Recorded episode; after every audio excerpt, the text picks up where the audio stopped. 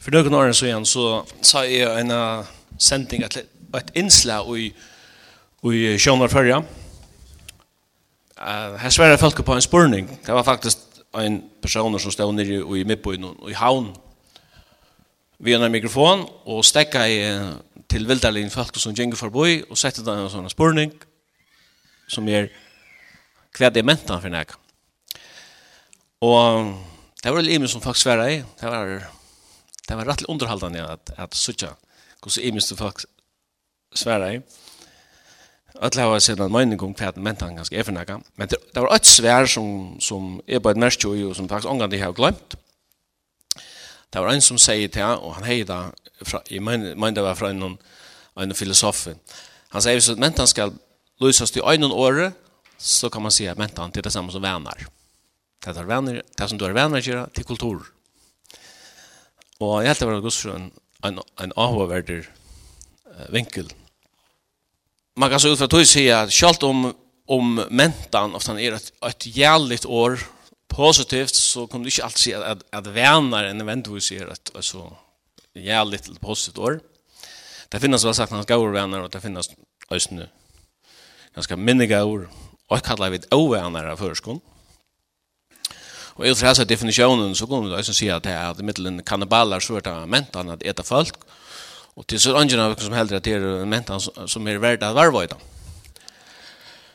Men uh, jeg leser evangelierna så sier jeg så sier jeg att uh, först och främst ut i Kristus är att att Gud som är avgjør och tojar läser man säger kom ur avunlökan og in i tøyene uh, inn, inn i en inn i en bestemta mentan, inn i en bestemta tøy, og inn i bestemtar venner. Og på en måte kan man se at Kristus gjør det seg som en part av mentan, og så på en annen måte så ser man at han er litt ur pom mentan. Avhåverst å lese til.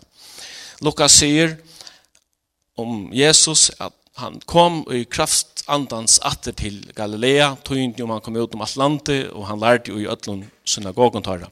Og så stendde det, og han får som han var venner inn i synagogene sabbatsdag. Det var han venner å gjøre, det var ikke noen ringer venn, jeg færre gods hus sabbatsdag. Han røste seg opp å lese, og de gav i honom bøkrudle av Isaias. De var vann å lese ur fatnum skrifton ur gamla bøkrotlun og i hesen føren en tekst som ta vær 600 år gammal. Og han les andi herran seg iver til han salva meg kundgjør han fatlekan evangeli. Jeg bera fengum bo om at der skulle slippe leiser gjøre kua fru og kundgjør han nøye er herrans så lett han bøk. Og i rakna østen vi det var von at høyre hatt det her.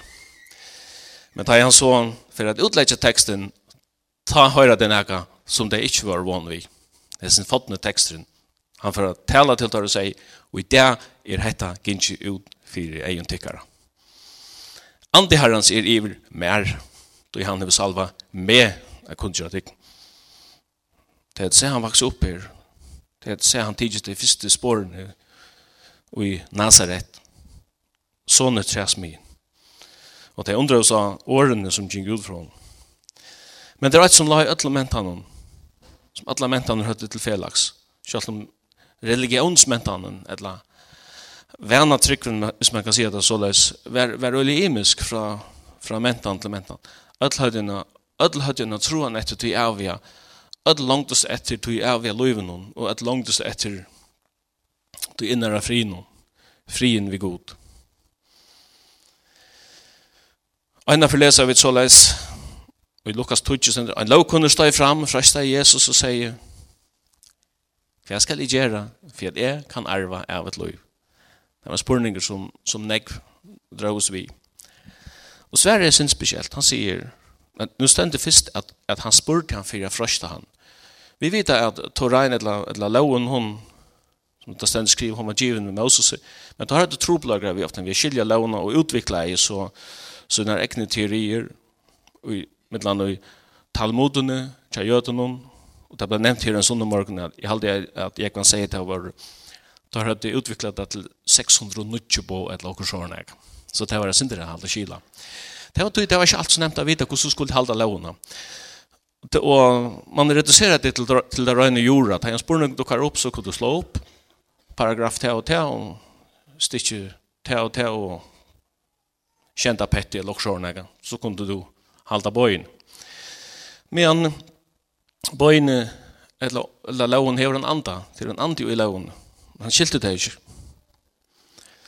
Det sender at han spurte han for jeg frasht han, kanskje for jeg drev han inn i en en juridiska religiösa diskussion. Men Jesus sier vi han hva er skriva? Hva så leser du? Og så sverre i sin lovkønne du skal elska herren god tøyn av alle hjertetøynen, og hoa, og sal, og sinne, og så er, og nasta tøyn som til sjølvan. Så sverar jeg Herren, ja, det er det. Gjer hatta, så skal du leva. Nu har jeg hos en spørning. Vi har vært her flere sunne måten her, og vi har hørt til vi prædika og mynda hetta at menneskjan verer ikkje rattvis gjørt av lovversk. Og her sier Jesus vi tar lovkunna, du sarska stendur lovn, gjør detta så ska du leva. Så måste spørre, er det ett paradox eller en ansökan till hela som vi har vi gör. Men Sverige är det er ikke anfall til hela. Det er några vi lån. Det är noe speciellt vi vi lån som aposteln lyser i hästen han säger att vi lån eller vi bor gods, Guds kemer sannan av synd. Att det var konfrontera vi vi Guds bo og Guds lover og du prøver at ut og iverhalde den, så sørst du til et egna måttløys. Og til jeg trykker det her Jesus sier, han sier igjen, gjør hatt så skal du leve. Han skal oppdea du at du ikke klarer hatt og har bruk for en frelser. Men det stender at han ville gjøre seg selv en rettvis og sier vi Jesus, ja, men hva er det neste måten? Hva er det paragraf skal du slå opp i? Du skal elska nasta din som til selv. Og i stedet for at jeg er ute i en lengre diskusjon om, om fortolkninger av lovene og å slå opp, her og her, så forteller Jesus henne så, han sier, det være med over som før, i Jerusalem og om han til Jericho, og han falt i hender åndsmannen. Tar randu han, tar slå han, og rømte fra han og lade han litt han holde han etter.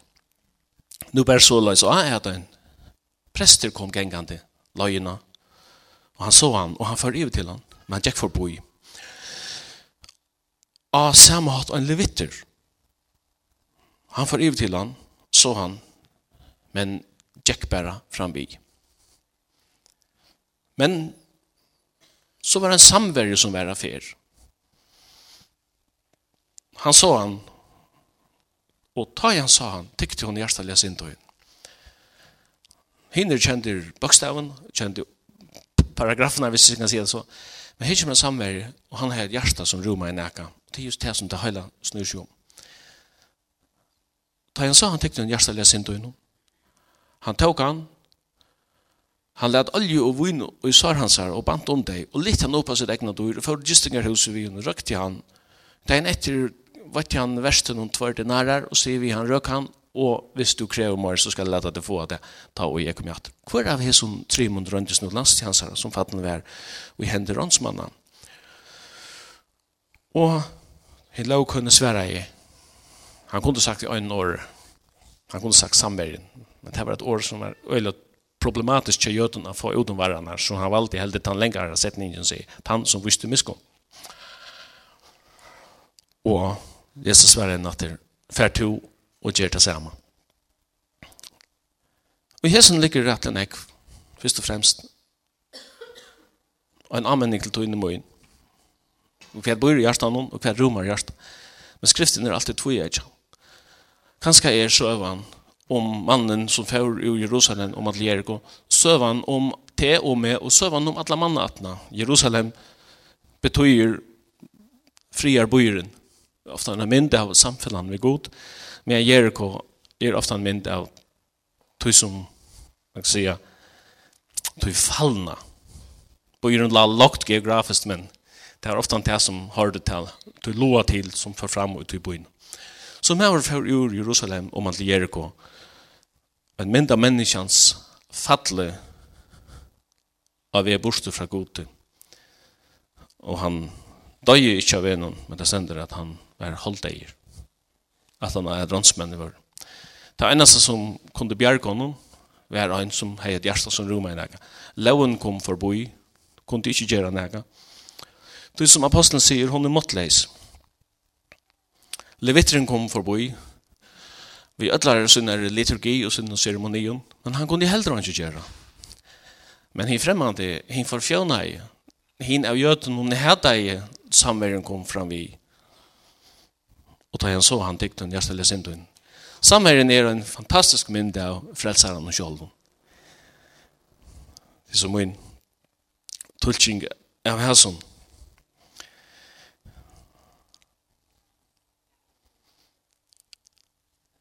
Og Johannes her evangelium lesa vid ena stedene om Jesus, fjorda kapittel, at han fjord ur Juda og fjord atter til Galilea, og så stendet da, han måtte ta fjerde i Samaria. Det var ikke mer naturlig. Hikker man etter landakorsen, ser man jo at Galilea og Judea heva jo Samaria litt i middelsveien, men vanliga feras jötan utan om Samaria där feras i middelen, middelen Juda og Galilea. Til en lång söva og jeg har ofte hukst om at eh, nekva tar man konflikten vi tar å se i hemmen, enten nek krutsch vi tar å se i heimen, er kommet av, av, av etniske konflikten som ofta stammar fra emiske folkavflyting som kunne ha vært det kan ha vært ølter så igjen for en 25 år så igjen, så var det en tur i Litava og vi vet ikke en er tror jeg samkommer her og og i sin firmerande Sovjetrepublikkene.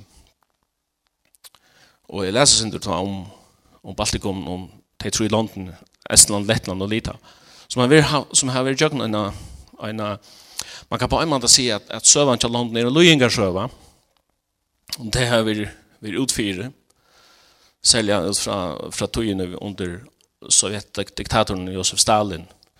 London blev jo egentlig lima inn i sovjetsamveldet han, sørst i 13 år, og helt jo pæta eksisterer som kjølstøv land. Og for å utsletta den kjølskapelige identiteten som følte noen så tvangsflotte Stalin, altså 100.000 vis av de lokale folkene inn i Russland, og han tvangsflotte større mange av russaren inn i hese landen her. Det hadde ikke bruk for noen identitet, det hadde jo hamsterrevolusjonene og kommunismene, og nå er det sovjetborgere. Hva, hva mer kan man ikke se her? No? Og så løs lørdag under, under, under Sovjet og en halv trusjå Inntil, ja, vi minnes sørste forskning til flest jo åkken om Gorbachev kom til, og at ta i Sovjet begynte jeg missa grep i iver til der firevrande Ja. Og dette var så ikke så forferdelig lengt at han hadde det. Men til så landet ble kjølstå etter, så var det et stort problem til at det var rettelig, rettelig større russiske minnelotar i så landet noen her. Og det var en, det var lukket som uimynden av koan, uimynden av koan, en, en, en minnesvärd i Stalin och allt det. Men så stackars människorna var ju född i Estland, i Lettland och Litava. Det är inte parst av tog som var färre fram och var bara blivit. Man kan säga att det var det bötterna som tog och var född i ena mentan och allt det som det innebär. Helt det var otroligt och värst att kunna vidja sig samkommunar i Litava och sutja till att det var utförmärden, det var slett inte månader av russaren och in. För bruka orden til apostelen at i Kristus er samt og god heimen vi seg selv. Egentlig er det det samme som hendte i, i Samaria, at flere øldre undan Kristi føying, hadde assyrerne herjet av norra landet og tar tunt i en rikvi av falken, nek blei bara driben. Assyrerne var tiltekne for brutalitet, og nek av falken blei tvangslått ut ur landet og tar tvangslottet så andre folk inn i landet for at mer eller mindre utsletta den uh, kjøskapelige samløygan tja jøten. Men så felsen som kom i høyde sin egna måte er at det skal gode på. Det tror på stedbundnar, stedbundnar godar. Det tror på, det var så, religionen tja den var eh, politistisk, det tror på flere godar. Så da det kom til dette landet, land Israel, så sa det. ja, men her er jo en god som de pleier dyrke landen, og hvor er han? Jo, han er det Jave, til Herren, ja, men til funnet, så, så tar vi han av listan i og tar godar som vi dyrka, de kunne si om lovene, og utvikla en sånn en blandingsreligion. Men vi vet at her at for jødene vet jeg første bøy at Herren er øyn og til ånden han er god utan at det ikke er plass for noen øren. Så samværer hadde høyde dolka tørre trygg, høyde dolka tørre religion, og det skapt en, en, en slags religionscocktail bors ur tog som var pura høylagt for jødene, og tar hæta i, tar hæta i samværer, så innelige, for det parstvis tog det hadde tidsi tørre land, og tar hadde tidsi tørre religion. Så det var ikke samskifte. Så hadde det vært stått om den støvann som var ta Jesus for ur Judea atter til Galilea, og han nøttes til affæra i Jøknon, Samaria. Og han sitter ved en brunn i Samaria, og lærersvannen var ferdig inne på byen her kjøper med at da kommer en kvinna ur byen ut etter vattnet. Johannes vil si at det var omsatt av tøymann. Omsatt av tøymann, på betyr klokken tølv, altså, av middag, da i solen var hakst. Og drev vatten var et strav i arbeid. Det er gråd og nega og av fysiskar i orsku. Og det gjør det man vanlig om kvelden der. Det er solen var kom lengt ned og der var den var svel. Man forsøker gjøre hardt arbeid midt i siesta. Det gjør det man ikke.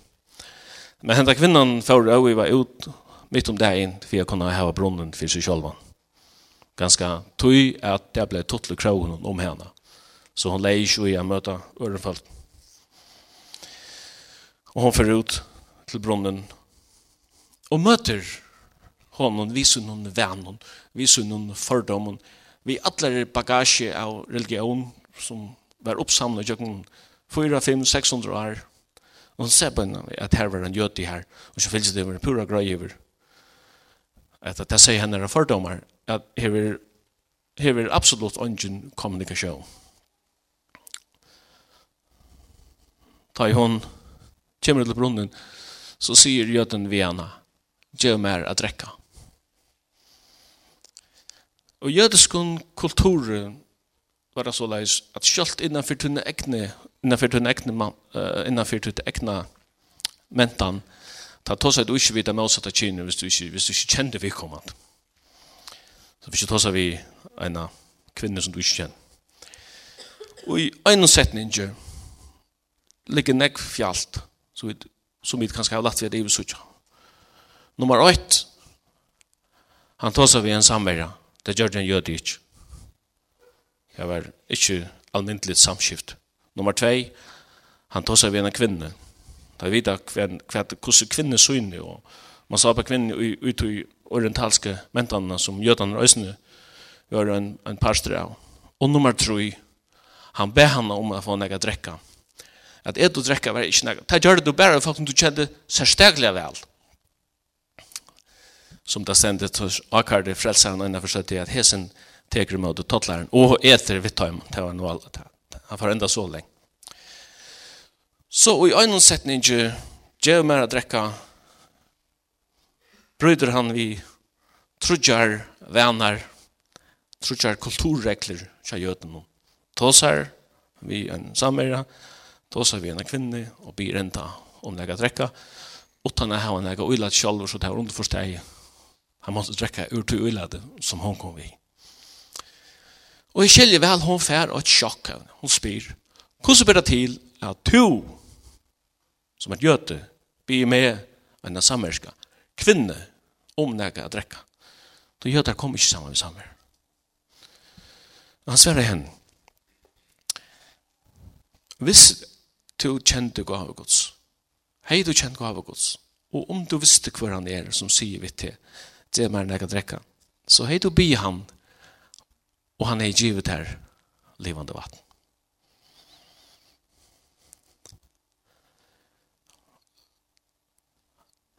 Andalig ting vera leden noe vanlig gerandes år, og tog vi det oss miskilt. Kapitlen om framan undan, tåsa Jesus vi en jøta, en, en teolog, han nåttar tog i Jerusalem, og ta tosa, og ta herren tosa jo noe nei der av føtter av nøkken, så spyr han, hvordan kan jeg være føtter til han, er blevet gammel? men han er for kunne fære inn i lov med over, og være føtter. Og det er det samme her, Du jo ikke drevet vatten oppi, hver han hevde av livende vatten,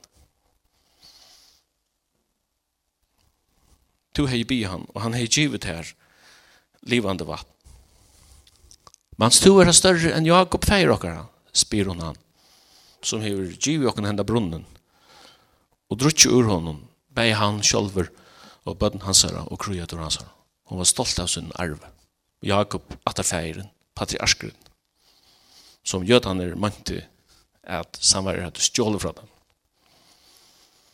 Men han sverre henne at hvert han som drekker av hesson vattnet, han skal tysta atter.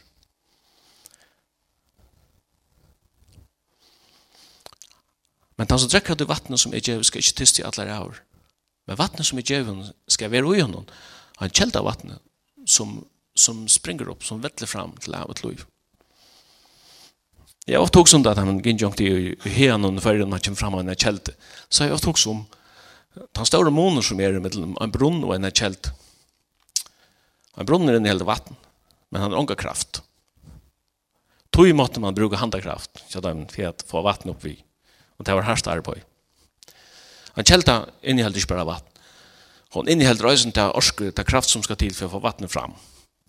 Så slår fra strujas vidt, det. Så det kommer opp. Her står han vid en brunn og han tar seg om alternativt vatten. Han sier, han som tror det med ur liv hans är Nej, han säger, vad det er, at vattnet som er djevun skal vera verande i øynene en kjelta det er en kraft. En kraft av vattnet som vettler fram til evet liv og så sier hon gjemmer er vattnet gjemmer dette vattnet så slipper vi fra å komme ut her. Kvann det er skolan tre vatten jeg slipper fra at noen strøy og at noen strever han sier vi gjerne færre sted og råpa mantøyen. Hon sier, jeg har unga mann. De fleste av kommunen sikkert innrømmer at jeg ankt og har vi utfinnet situasjonen, kan man kunne slappe vi å fortelle en halvans anløyga, som kan gjøre uttrykk for en erfætan som ikke er helt korrekt. Og det sier man, en halvans sannløyga kan være mer manipulerende enn en lotrettlig. Han sier, jeg har unga mann. For så vidt passa i det, og när jag unga mann. Men det låter som man säger alltså i shingle alltså. Ja. Ja. Så läs mig läsa texten. Så har jag en fem tuner band att han fyra. Som helst var det etna ända i ett och läs.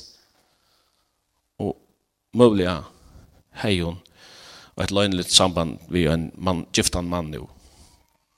Det var chakra ett bogen. Kvörst till jötiskar eller samverskar mentan. Man ser vi det i har en gammal man. Jesus säger, väl måste säga så. Alltså, ja, jag har det till. Det är det som nok ligger ut i. Du, du har haft fem menn, och han som du nu har, han som du nu har er ikke med du. Du säger satt her, du säger det, du är en gammal. Uh, och i hela situationen kan, kan man nok säga att hon føler det som att hon är lisen som en öppen bok och tar det mer avslappende, og mer avmystificerande bara bekjenne kulör helt enn å skulle ströjas via krägvarna. Det minner meg åren til Peter da han sier vi herren, herre, du har alt. Alt er nært jo best for hånden som vi har vi gjør oss i Hebreerbrann. Alt ligger opp, enda menneskens tankar ligger åpner. Han sier, jeg sier at du er profeter. Her er ikke bare en jøte, men her er nægge mer enn det vanlige. Hva gjør du til du, hva gjør du til du møter en profeter? nu flyter samtalen sig från vattnet och till dagliga och för att ta sig om religion så fälsligt och så har man ta sig om munnen i mitten sammerska atrona och judiska atrona i så gör han profeter och våra fäder har tillbe här här som fjallet men tid ser man några tillbe i Jerusalem som drev några religiösa strusborningar fram. Men Hesse jöten ombor en mentan hver han er litropom mentan. Man kan på en sin, han er kulturleiser. Skilt jo en positiv tøtning. At tilbya god vær for jødanar øyla geografisk betinga. Da gjør det jo pilgrimsferd til Jerusalem, tror jeg for Mare, hvis du var skau og rattrikvande jøte. Og samvarer hade så ett fjall her, så ett Garazim fjäll, så det byggt, bygd uh, tempel och Og tillbådar. Och hade cocktail-religion, blanda av loven og Moses og, og hejenskapen. Og nu er spørningen, hva er det der? At er det Jerusalem, eller er det Agarizim, er Jesu fjallet? Han, han sier vi henne, det kommer han tog, det er det kvørste skal være av Jesu fjallet, eller Jerusalem, til tilbyr veien tid tilbya det som tid ikke kjenner, Jeg vet tilbya det som vi kjenner, at vi frelsan kommer fra jøden. Og jeg må si akkurat hvordan vi bøyder folk opp i det etnist, og etter stendet rymmer fast, og gjør det jødiske folk finner vi profetene, og gjør det jødiske folk finner vi skriftene, og som apostelen sier, og gjør det jødiske folk er Kristus kom, han som er god i vrødel. Frelsan kommer fra jøden. Tid tilbyr det som tid ikke kjenner, vi tilbyr det som vi kjenner. Men han sier vi henne at god er ante, og det som tilbyr han må tilbyr og i anda og sannlegge. Så det er slik tilbyr som feir søker. Det viktigaste er ikke geografien, om det er av Hesonfjall eller Jerusalem. Det viktigaste er hva tilstand hjertet hever som tilbyr god. Så god søker tilbyr som tilbyr han og i anda og sannlegge. Underforsteg hver eller hver og ferramentan. Og så svärar han.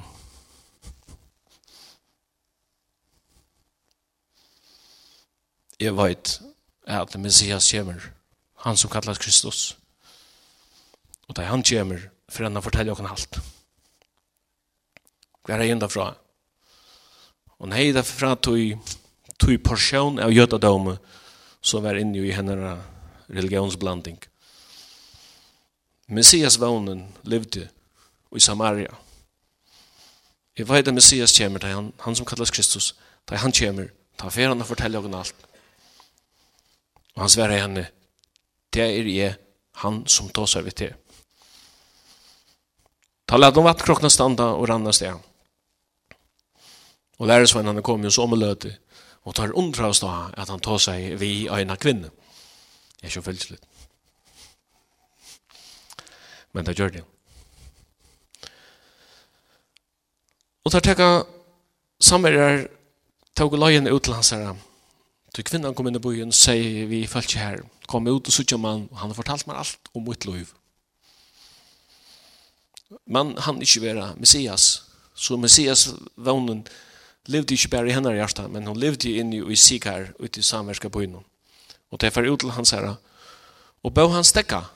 Og han dvalde her og utførte her Og mange kom til trygg var han, at tusen kvinnan sier, og da han dvalde her, og utvar det her, kommer mange at tre til trygg var han, og det er sett nu i kvinna, nu trygg var vi, ikke at du som sier, men nu har vi sett, og nu vidar vi at dette er frelser i heimsyns. Og at han har tørt det han er foran, så vi er til Galilea, som stend, så stendt skriver her,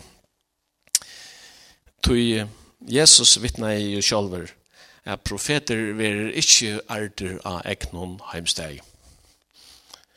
Men samverjar tog imot i honom og at hesen er frelser heimsins. Og paradoxalt nok, la laknar spøyse meg, hver dag i Messias, hver røpte deg crossfest, crossfest.